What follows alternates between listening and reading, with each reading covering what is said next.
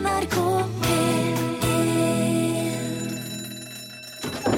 Ja, nå er det lunsj! Og i dag er det nøyaktig 78 år siden den siste pungulven døde. Ja, Tasmansk tiger ble han også gjerne kalt, for han hadde stripe på ryggen. Det skjedde 7. september 1936 i et bur i Hobart Zoo på Tasmania, og siden er det ikke noen som har sett pungulv. Tirsdag 7. september, altså. Dag to i den planlagte bemanningskrisa her i lunsj, NRK P1, som denne uka, eller i hvert fall i utgangspunktet, skulle være et eh, type one-man-show for vår faste produsent og, og kompanjong Torfinn Borchhus, har tatt av gårde på høstferie. Men i dag har vi henta inn eh, ulovlig barnearbeid for å kompensere. Tobias, hei. Hallo. Det er veldig hyggelig når du er med som reporter og produsentvikar i dag. Ja. Ja. Ser du lyst på oppgaven? ja, det gjør jeg vel. Ja. det har gått greit så langt. Ja. Ja.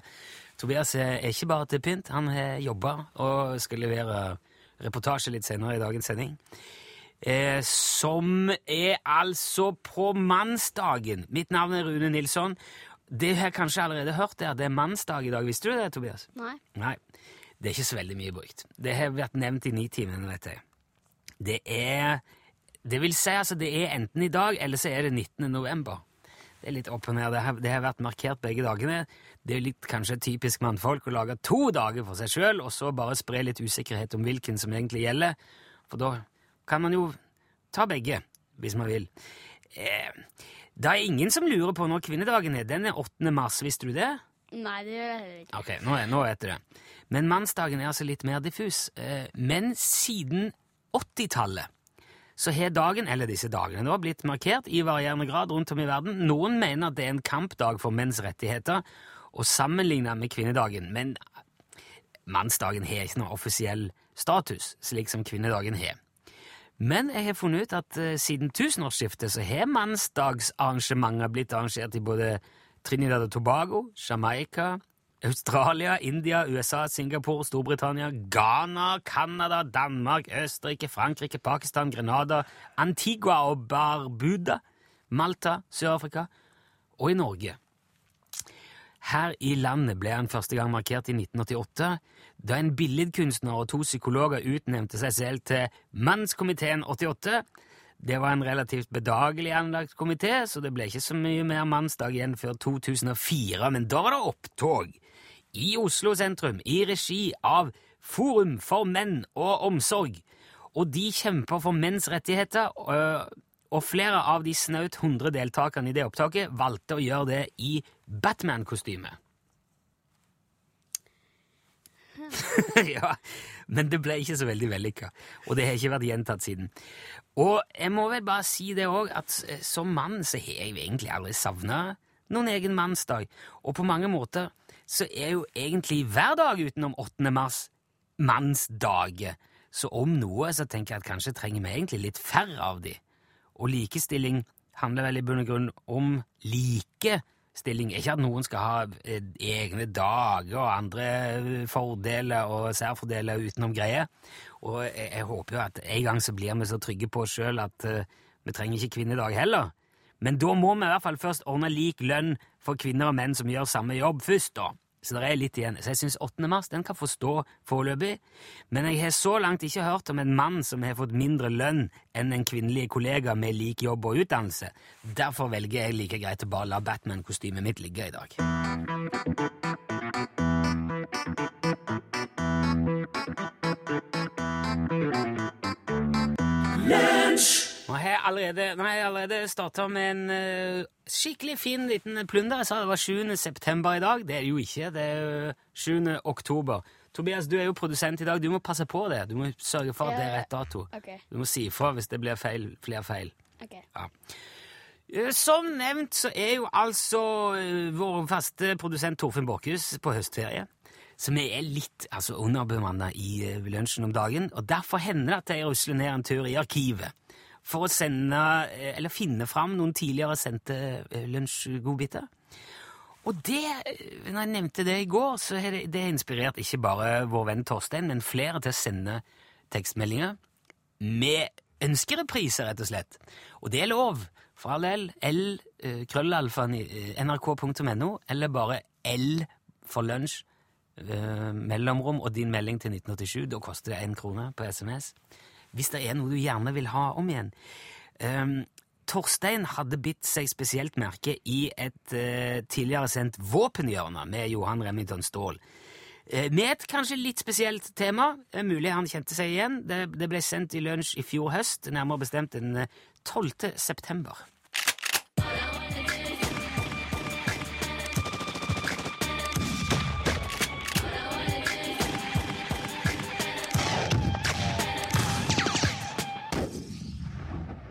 Ja, Johan Remington Ståhl.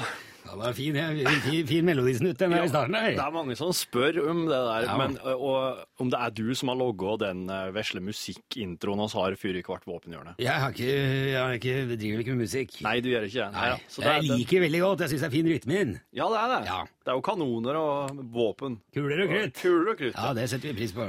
Det kommer flere slags type spørsmål inn til lunsj og Johan. Ja. Og det er et av dem som kommer fra tankbilmølla. Ja. Har et våpenspørsmål. ja. Har to tvillingjenter på 15 år. Hvilket våpen anbefaler lunsjgjengen at skal stå i gangen når guttene ræk på døra? Eh, det det, det Ja. går jo til lunsjgjengen, men der går jo rett til det, Johan. Hva Ja. slags våpen bør en far til to tvillingjenter på 15 år ha? Ja, og for er- å true friere med? Ja, ja, ja, jeg skjønner. Det er et veldig godt spørsmål. Mm. Jeg tror vi må bare si med en gang at her vil nok mange mene at man skal ikke skyte på tenåringer i det hele tatt. Og jeg er vel langt på vei til en viss grad på noen måter enig i det. Ja, Men det er jo mer som, som, tru, som en trussel, da. Ja, det, ja, det skjønner jeg, og det, det er klart det er jo lite som er så avskrekkende som et realt skytevåpen Ja. når du har tvillingjenter i huset. Ja, ja. Eh, og da, så jeg ser jo behovet. Altså I gamle dager så ville du nok satt eksempel en Elster og Hammersborg 250 elefantrifle i enteren, og så hadde du fyra av noen skikkelige salver over huet på guttevalpene når de kom. Ja. Eh, men altså med dagens våpenetiske retningslinjer altså, det, det vil ikke blitt sett blitt på av noen, tror jeg. Så det er jo litt av en nøtt, dette der. Ja. Uh, jeg har hatt litt av det samme dilemmaet hjemme. Jeg har ikke tvillingjenter, men jeg har en nabobikkje som stadig driver og skiter inn i hagen min. Jaha. Og det, er jo ikke, det ble ikke sett blitt på å skyte bikkjer heller. Nei. Så det jeg gjorde da, det var å skaffe meg en Sunburst eh, Manila 550 Gatling Monster replika. Eh. Ja, Det er altså en tro kopi av en ekte Sunburst, men eh, med løse skudd. Ja, øh, og for de som ikke kjenner Sunburst øh, så kan jeg si at det, det ser ut som noe ut av en Rambo-film. Det er et beist av et våpen, øh, og det, det kan bare fyres fra hofta. Aha. Ja, og det er jo øh, 6000 skudd i minuttet, og det er ja, det er, det, er, det, er, det, er, det er av en våpen, altså. Og øh, Originalen veier jo over, over 100 kilo, men replikken har både løp og finikkelprosessor og magasin og fettran og hanekam og kyllinglår og grepsrygg og kanttrekk og masse andre deler i karbonbasert øh, kompositt. Så den veier bare rett i underkant av 30 kilo. Å ja. Så da går det an å bare slenge reima over skuldra og så gå ut på trappa, fyre et par serier på noen hundre løse skudd uten å krekke ryggen, ikke sant? Ja. Og det skal jeg si deg, det, det virker. Ja. Ja. Etter at jeg fyrte av den kanonen der én gang, så har ikke bikkja til naboen vært ute av huset. Faktisk. Så jeg bare ser at den kommer ut med, med skitt som en lemper i søppelkassa, så den, den bikkja der, den, den har Den fått beskjed. Den er blitt hushund. Ja, og det er viktig å poengtere her at det, det er ikke noe prosjektiler inne i bildet i det hele tatt. Så det er så å si helt ufarlig å blåse en runde rett i trynet på uønska gjester om det skulle være nødvendig for det. Ja. For det er, det er, ikke, det er litt slagg, men Ja. det er ikke noe som tar livet av noen. Nei. Det kan vaske, de kan vaske fjeset. Eh. Ja, ja, ja, ja. Og det, det er jo der replikken har sin fordel. Mm. For dette er rein avskrekking, det er ikke noe annet. Men det er klart, den dagen du virkelig trenger å ta livet av et eller annet, så da tar du ikke sønnbørsten Nei. i enden. Det er litt viktig å huske på. Ja. For eh, da, da kommer du ingen vei. Nei. Det fins selvsagt en lang rekke andre kopivåpen som kan fungere som avskrekking, og som er lettere å håndtere. altså når sant skal sies, En Jameson 800 med dobbeltspent spiralforskyvning og åpent kammer smeller jo bra. Ser veldig skummel ut òg, for menigmann. Det er jo doble soneløp der, og utenforliggende knastebrett og ejektorskjerm i rustfriskt stål. Det ser jo ordentlig sinne ut. Ja. Eller en god gammel uh, Firestorm Armageddon med lasersikte og rekylforplanter i begge akselkammene. Den får du òg som kopi. Men jeg mener da at altså skal du først skremme noen, og det er jo poenget her, Ja. skremme vannet av dem, da er det greit at de tisser i buksa med en gang. Og da husker de dem til neste gang. Så da er det Sunburst Manila 550 replika. Det er det råeste du kan stille opp med. Tusen takk, våpenekspert Johan Remington Ståhl. Bare hyggelig. Bananfluer har vært et tilbakevendende tema her i lunsj. Disse svevende små krypene i frykt, fruktfluefamilien. Fruktfluefamilie, ja. De dukker jo gjerne opp på kjøkkenet, spesielt når det er litt varmt i været. Og forrige gang vi tok opp dette, så var det fordi at noen hadde glemt igjen ei skulderveske hjemme eh, hos oss. Hvis du husker det, Tobias? Ja Nei, det er fortrengt. Jeg legger ikke merke til sånne småfluer. Nei. Nei. De, de hadde det, da, og oppi der lå det en banan. Og dette var i sommerferien, og det førte selvfølgelig til mengder av bananfluer som ikke skjønte hvor kom fra før etter en god stund. Og eh, den gang så drev jeg eksperimenterte en del med feller. Fikk mye gode tips fra du som hører på lunsj òg.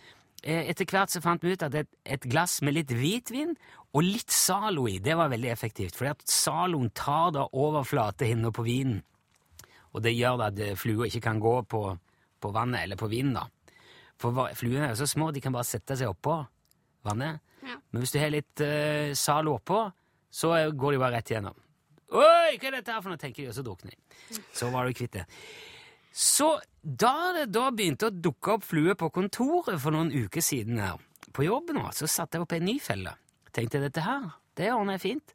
Nå, nå brukte jeg da epleeddik, for det har jeg også hørt, det skal være noe av det beste man kan bruke til den slags. Men det funka ikke i det hele tatt. Ingen Altså, kontoret stinka av epleeddik, men det var ikke ett kryp som gikk i glasset. Så da måtte vi gå litt mer metodisk til verks, og nå har jeg da funnet ut at det er antagelig ikke bananflue som er på jobben, det er hærmygg. Du ser ut som du ikke helt skjønte hva det var. Nei. Hermygg? Nei. De, det er noe helt annet enn en fruktflue. Hermyggen bor og legger egg i jorda i potteplantene dine. Men de har omtrent samme størrelse som bananfluer, men de har mørkere vinger. Og Derfor blir de også gjerne kalt for sørgemygg, for de ser, det ser ut som de er svarte. De ser nesten helt svarte ut. Og de bryr seg ingenting om epleeddik. Ikke noe glad i vin. Du kan sette opp de fellene du vil, her, forstått, men eh, de bryr seg ikke. Hvis du, så hvis du skal bli kvitt hermygg, da må du slutte å vanne plantene. Du må tørke plantene helt ut. Og så lenge at det bare er de barskeste og mest hardføre plantene som overlever, da kan du kanskje få has på hermyggen. Og så fins det noen sånne små gule klisterfeller som man kan putte i blomsterpotter, en slags limfelle, en sånn- sånn Post-It-lapp. Men det er visst mest øh, som å tisse i bukse for å holde seg varm, for det begrenser litt, men det løser visst ingenting. Og dette her var helt nytt, og det har gitt oss eh, mye å eh, ta tak i på kontoret, så derfor tenkte jeg skulle bare gi beskjed. Hvis de små krypene på kjøkkenet ditt har mørke vinger og ser ganske sånn svarte ut eh, i det hele tatt Bananflua har lysere vinger, litt mer sånn brunlig, og litt rødlig øye. Hvis det er svarte, kan det fort være hermygg, og da trengs det altså langt kraftigere ammunisjon enn epleeddik og Zalo, så da vet du det.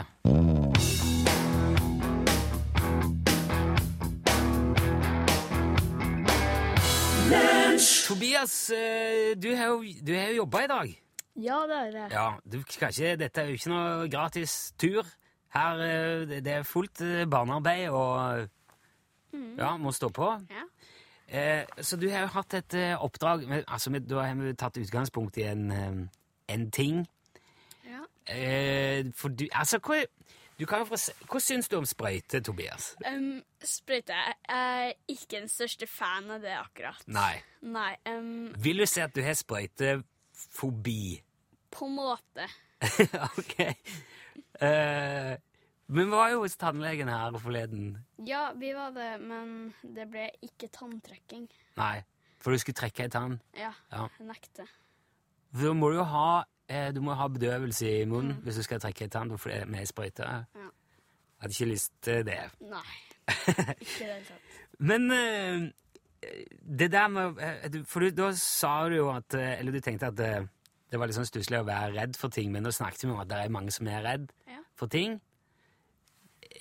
Ja, eller da har jeg gått rundt omkring med en liten mikrofon, på en måte. Ja. Og så har jeg spurt dem hva er det er noe du er redd for, og hva er det? ja. Ja. For å finne ut om voksne òg er på en Ja. måte redd for Ja. ting, og hva.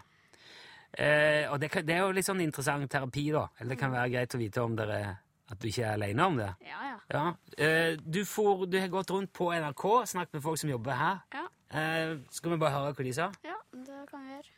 Nei, jeg, er ikke så, jeg, er litt sånn, jeg har litt sånn høydeskrekk. Så hvis det er sånn veldig bratt eh, sånn rett ned, Ja. ser kanskje 100 meter, da, da har jeg mest lyst til bare å komme meg vekk derifra. da. Når var det sist du opplevde det? Det var i sommer, jeg var oppe på et fjell. Og så kom vi til en sånn skrent, og, sånt, og så så jeg bare rett ned. Ja. Da kjente jeg at eh, dette har jeg ikke lyst til å være med på. Så da bare gikk jeg fort ned igjen. Jeg er ganske redd for sprøyter. Du er redd for sprøyter? Ja. Og så lurte jeg på det var noen voksne som også var redd for noe. Ja, jeg er redd for noe. Hva? Jeg er redd for frosker. Frosker. Frosker syns jeg er kjempeskummelt. Og så er jeg redd for firfisler, gekkoer og slanger. En gang da jeg var i Syden Vet du hva en gekko er? Det er sånne små firfisler. Så møtte jeg en sånn gekko på snarveien min til butikken første dagen. Og etter det så gikk jeg aldri den veien igjen. Jeg gikk heller et kvarter lenger for å komme meg på butikken enn å gå den veien. Så redd er for gekkoer. Så jeg skjønner godt at du kan være redd for noe. Mm, hei da. Ja. Når var det sist du opplevde det? Jeg tror kanskje det var i en fornøyelsespark i USA. Jeg sto sånn berg-og-dal-bane. Da var vi oppe i en sånn stol. Og vi hadde heist 80 meter opp. Og satt og dingla med fotene. Det var høyt. Jeg er veldig veldig redd for edderkopper. Edderkopper. Så redd at jeg bare besvimer når jeg ser dem, rett og slett. Når var det sist du så en edderkopp, da? Jeg så faktisk en edderkopp her på jobb eh, for noen uker siden. Når jeg skulle inn og ha sending. Og da måtte jeg sette meg ned og sånn puste og hente meg et glass med vann. Jeg tror det å klatre veldig høyt opp en plass, det tror jeg ikke jeg kommer til å gjøre med det første. Så kommer du til å stirre litt før du gjør det? Eh, jeg tror bare jeg ikke kommer til å gjøre det, rett og slett. Men jeg er jo voksen, så jeg kan jo velge. Men sprøyte skal en jo ta. En må jo veldig sjelden klatre høyt opp i en ting. Heldigvis. Ja, jeg er livredd for edderkopper. Det er det verste jeg vet. Så hvis jeg finner en edderkopp i huset mitt, så springer jeg ut og setter meg på trappa til noen kommer og henter den for meg. Jeg er livredd. Har det, noe, har det en gang opplevd det? Ja, mange ganger. Og da springer jeg hylende ut, og så må jeg ringe til noen, og så må de komme og hjelpe meg å fjerne. Så redd jeg er edderkopper. Tusen takk. Ja, det var Det er mye voksne folk som er redd for ting òg, høres det ut som. Eh, er du redd for eh, frosk og gekko? Nei, ikke akkurat. Er du redd for edderkopp? Nei. Høyder? da? Litt, kanskje. Jeg tror du er tøffere i stige enn jeg er. Ja. Ja. Eh, men eh, hva, hva føler du at du fant ut med dette her, da? Med å forske på hva folk er redd på? ja, jeg fant ut at eh, jeg er ikke den eneste som er redd for ting. Nei. Ja. Voksne òg, Jeg, redd for ting. Mm. Eh, hva er planen nå, da?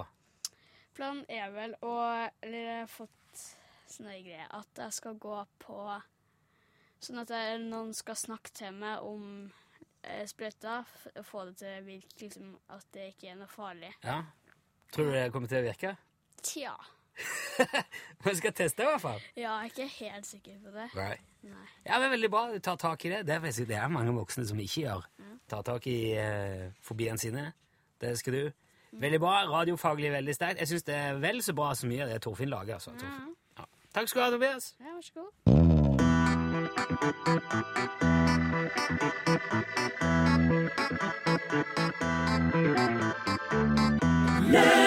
Nå på høsten er det jo veldig mange som er ute i skog og mark og skyter på alt som ser ut som det rører på seg.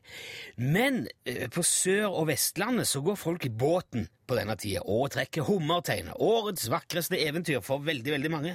Og i den anledning har vi ringt opp Charles Feiling ved Kystkulturmuseet og Kompetansesenter på Brislingholmen i Ryfylke. God dag, Charles. Ja! Hei. Du, Charles, har jo levd en mannsalder og vel så det langs kysten. og Har, har du fiska mye hummer du opp igjennom? Å, ja da, ja da, ja, Ja. ja, ja, ja, ja. Men du vet at eh, i gamle tider så var det ikke vanlig å, å ete hummeren. Å nei. Nei, nei, nei, korkje hummer eller krabbe eller reke eller noe. Nei, men Var det av religiøse grunner, da? Ja, det var både, altså du vet, folk trodde jo at skalldyr og sånn spiste lik.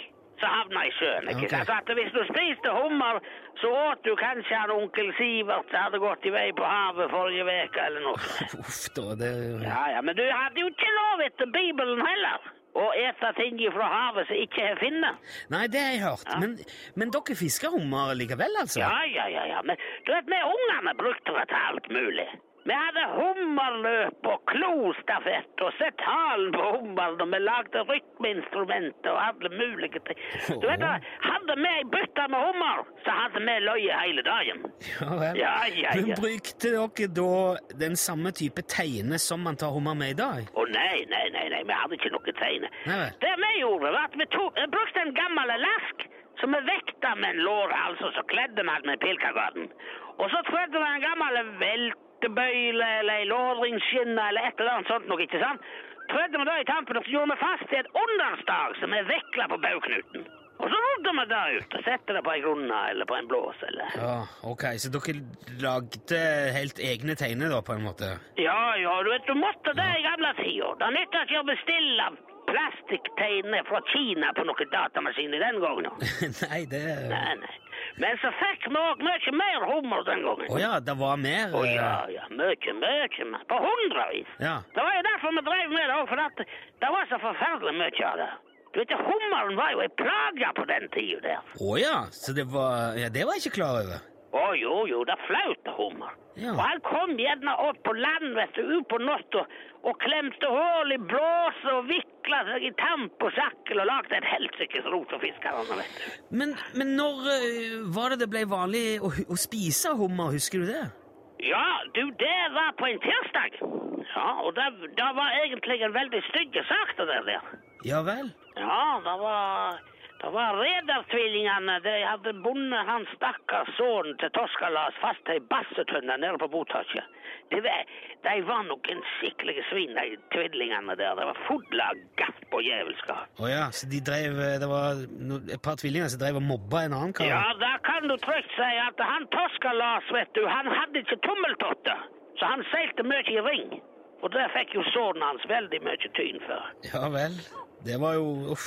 Ja, det var stygt. Det var Ja. stygt. Og det, denne tirsdagen så sto jo denne stakkaren fastbunden til denne bassetunnen. Og, den eh, var, vet du, full i hummer, så de hadde rensa ut av et sildegarn etter mye om og men. Ja, var det skri... da, Men da drev de og kasta på hummer da de fjerna den? Ja, ikke sant? Ja, skjønner. Men så utarta den der mobbinga seg. Og så etter hvert så eh, tok disse tvillingene og så tente de på et tjærerep som lå kveila rundt den der bassetunnen. Og det ble jo voldsomt varmt, vet du. Å ja! Nå, altså, da ble, ble hummeren kokt, da, eller? Ja, det var akkurat Ja, ja, det han gjorde, vet du. Og da ble, ble han jo rød òg, vet du. Ja, skjønner, skjønner. Og så begynte disse tvillingene å plukke i det der og åpne opp, og så Ja. tvingte de han stakkaren til å ete det som var inni, ikke sant? Ja, ok. Ja, og da, du, dette smakte jo nydelig. Ja, ja. Og da, etter den dagen, da ble det fatt på hummerfiske. Det skal jeg fortelle deg. Utrolig historie. ja da, ja da, ja da. Men nå er det jo mye mindre hummer i havet, Charles. Nå skal den altså kartlegges. Jeg forstår at du skal være med på det? Ja, det har jeg vært med på, ja.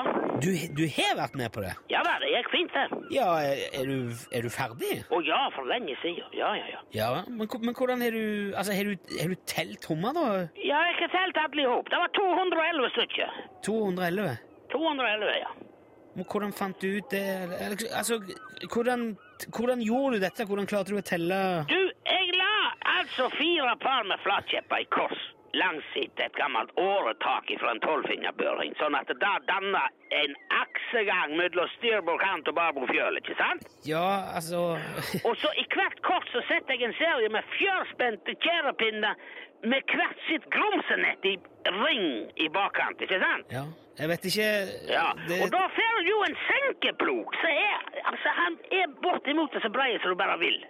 Og så når du ror da gjennom sundet, så valser båndstadiet under hummeren, ikke sant? Og nærmest sparker bein på han, ikke sant? Ja, jeg vet Det er sikkert ja. og så er det bare å vippe rundt og snurpe i lårringsenden, og så ser du hvor mange det er, så er det bare å telle. Ja, ok. Jeg, jeg trodde det ville være veldig vanskelig å finne ut hvor mye hummer det er. så- Nei, nei, nei, det er lett, det er lett. Ok. Ja. Men det er jo som vanlig veldig spennende å høre om Charles eh, Feiling, Brislingholmen kysthistoriske museum og kompetansesenter. Og tusen takk for at du var med oss, eh, Charles. Jo, bare kjekt, du. Nå er bare å vinne. Skip ohoi! Skip ohoi, ja. Ja, Hei, hei. ha det godt. Hei.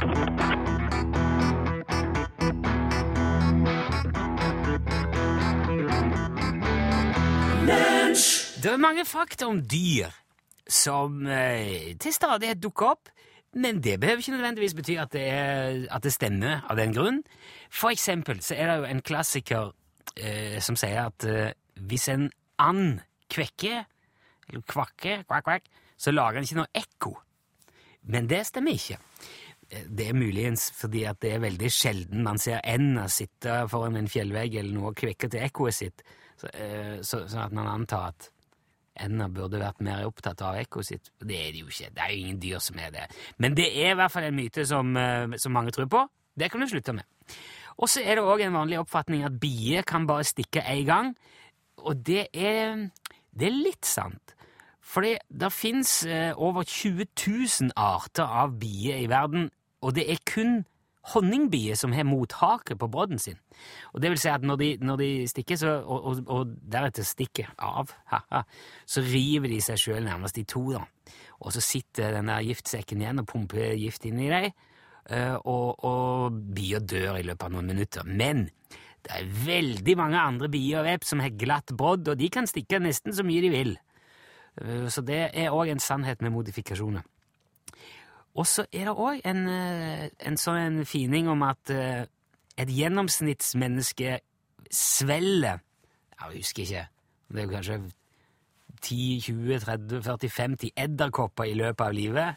Har du hørt det, Tobias? Nei. I søvne. Så når du ligger og sover, så kryper edderkopper inn i munnen din, og så svelger du dem mens du sover. Og det er helt sikkert sant. Nei, det, det, er, det er ikke umulig, Nei. men det er veldig usannsynlig. For edderkopper er jo ikke akkurat dumme. De, eh, de eh, Jeg skal ikke si at de er veldig sånn, reflekterende og smarte, men en edderkopp er ikke så dum at han kryper opp på en svær naturlig fiende, som mennesker er jo en fiende av edderkoppen. En trussel. Og så skal en edderkopp krype opp et menneske og hoppe ned i munnen. Det er en veldig dum edderkopp. Så det, det kan du òg i, i stor grad bare slutte å være stressa over. Eh, har du hørt at strutsen stikker hodet i bakken når han blir redd? Eh, hvorfor gjør den det? Nei, han gjør jo ikke det. Gjør den ikke? Nei, Men det er mange som tror at han gjør det. Eh, men han er ikke så veldig smart, eh, strutsen. Men et dyr som forsvarer seg mot fare på den måten, altså ved bare å stikke hodet i sand, den hadde ikke overlevd som art veldig lenge. Men strutsen kan løpe opp mot 70 km i timen, og det er jo mye mer fornuftig å springe av gårde, da, hvis det kommer noen og skal ta deg. Så det gjør jo strutsen i mye større grad. Det er òg tull. Og koalaen, det er ikke en bjørn. Det er mange som sier koalabjørn, men det, det er faktisk ikke en bjørn.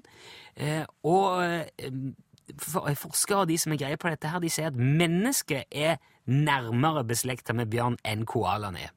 Så jeg, var- det er ingen som vet hvorfor man insisterer på å si koalabjørn, men det er altså helt feil. Og så har du kanskje òg fått beskjed om, eh, da du var barn, at hvis du finner en fuglunge, altså en, en liten fugl, eh, på bakken, som kanskje falt ut av redet sitt, da må du ikke ta igjen, for da vil ikke foreldrene ha den etterpå. Men det er ikke sant, for fugler bruker ikke lukt til å kjenne igjen eh, avkommet sitt. Og selv om de gjorde det, så er ikke fuglene så allergiske og, og så hatefulle mot mennesker at de ville gitt opp sine egne barn, fordi at vi hadde vært borti dem. Så hvis du finner en liten forkommen fugleunge på bakken, og har muligheten til å sette den tilbake i et reir, gjør gjerne det. Da blir eh, både mor og far og sikkert ungen sjøl òg glad. Men eh, du, man skal òg være klar over at det er forskjell på unger som har ramla ut av reiret, og unger som har valgt å forlate reiret. Fordi at de har tenkt at nå er det nok. Jeg kan ikke si deg hvordan du finner ut forskjellen, men det kan altså være en forskjell. Og så kan vi også nevne at oksen blir ikke mer sint av rødt enn han blir av andre farger. Men altså, når det står folk foran de med gullbroderte klær og ser ut som en jålebukk og et rødt eh, laken og vifte, mens tusenvis av spanjoler sitter og kauker på tribuner rundt dem, da blir de sinte uansett. Og lemen blir også sinte, men de eksploderer ikke, og sånn er det. Ok. Thank Det nærmer seg norgesklasse. Her er Elin Åndal. Her Nei, det var feil. Jeg så Ja, det er ikke verst. Det er jo fantastisk mottakelse. Ja, vi har jo alltid et stålende publikum her i Yeah! lunsjstudio. I hjørnet, liksom. Ja, Ja. de, de syns ikke så godt ellers, men de hopper fram når vi trenger de. Nei, men de er i godt humør. Veldig godt humør. Alltid jo- veldig godt humør. Ja, og det passer jo utrolig godt om det vi skal snakke om i Norgesklasse i dag. Ok. Eh, Hørte og så dere om May-Britt Maaser i går? Hun som vant nobelpris i medisin. Hun var veldig glad, ja. Hun var så glad. Jeg tror hun må ha sjarmert alle sammen. Eh, Dansa av glede. Ja. Hadde det ikke vært for ørene, så hadde smilet gått hele veien rundt. ikke sant? Rune og Tobias, eh, hvordan blir dere når dere blir glad? Eh, jeg tror jeg bare tar ned armen og bare Yes, jeg klarte det. Eller på en måte. Ja, du viser det, ikke sant? Ja, jeg viser det. Ja. Ja, du kan hoppe og danse mye, du. Mm. du, da? jeg, jeg, jeg, jo, eh, jo, jeg viser det nå. Jeg er ikke den dansetypen, Men, du, tror jeg. du, men du, du går ikke helt inn i deg sjøl og blir stille? Nei, det gjør jeg ikke. Nei, Jeg smiler og jeg kan, jeg kan uh, gi uttrykk for det. Men jeg har heller aldri vunnet nobelpris. Jeg tror, da hadde jeg tror jeg hadde blitt mer glad enn for mye annet. altså. Ja, ja, ja. Jeg skjønner at hun blir veldig glad. Ja. Vi skal se på ulike måter å vise glede på i norgesklasse i dag. Det gleder jeg meg veldig til. Etter Dagsnytt og nyhetene fra ditt distrikt her i NRK P1. Hør flere podkaster på nrk.no podkast.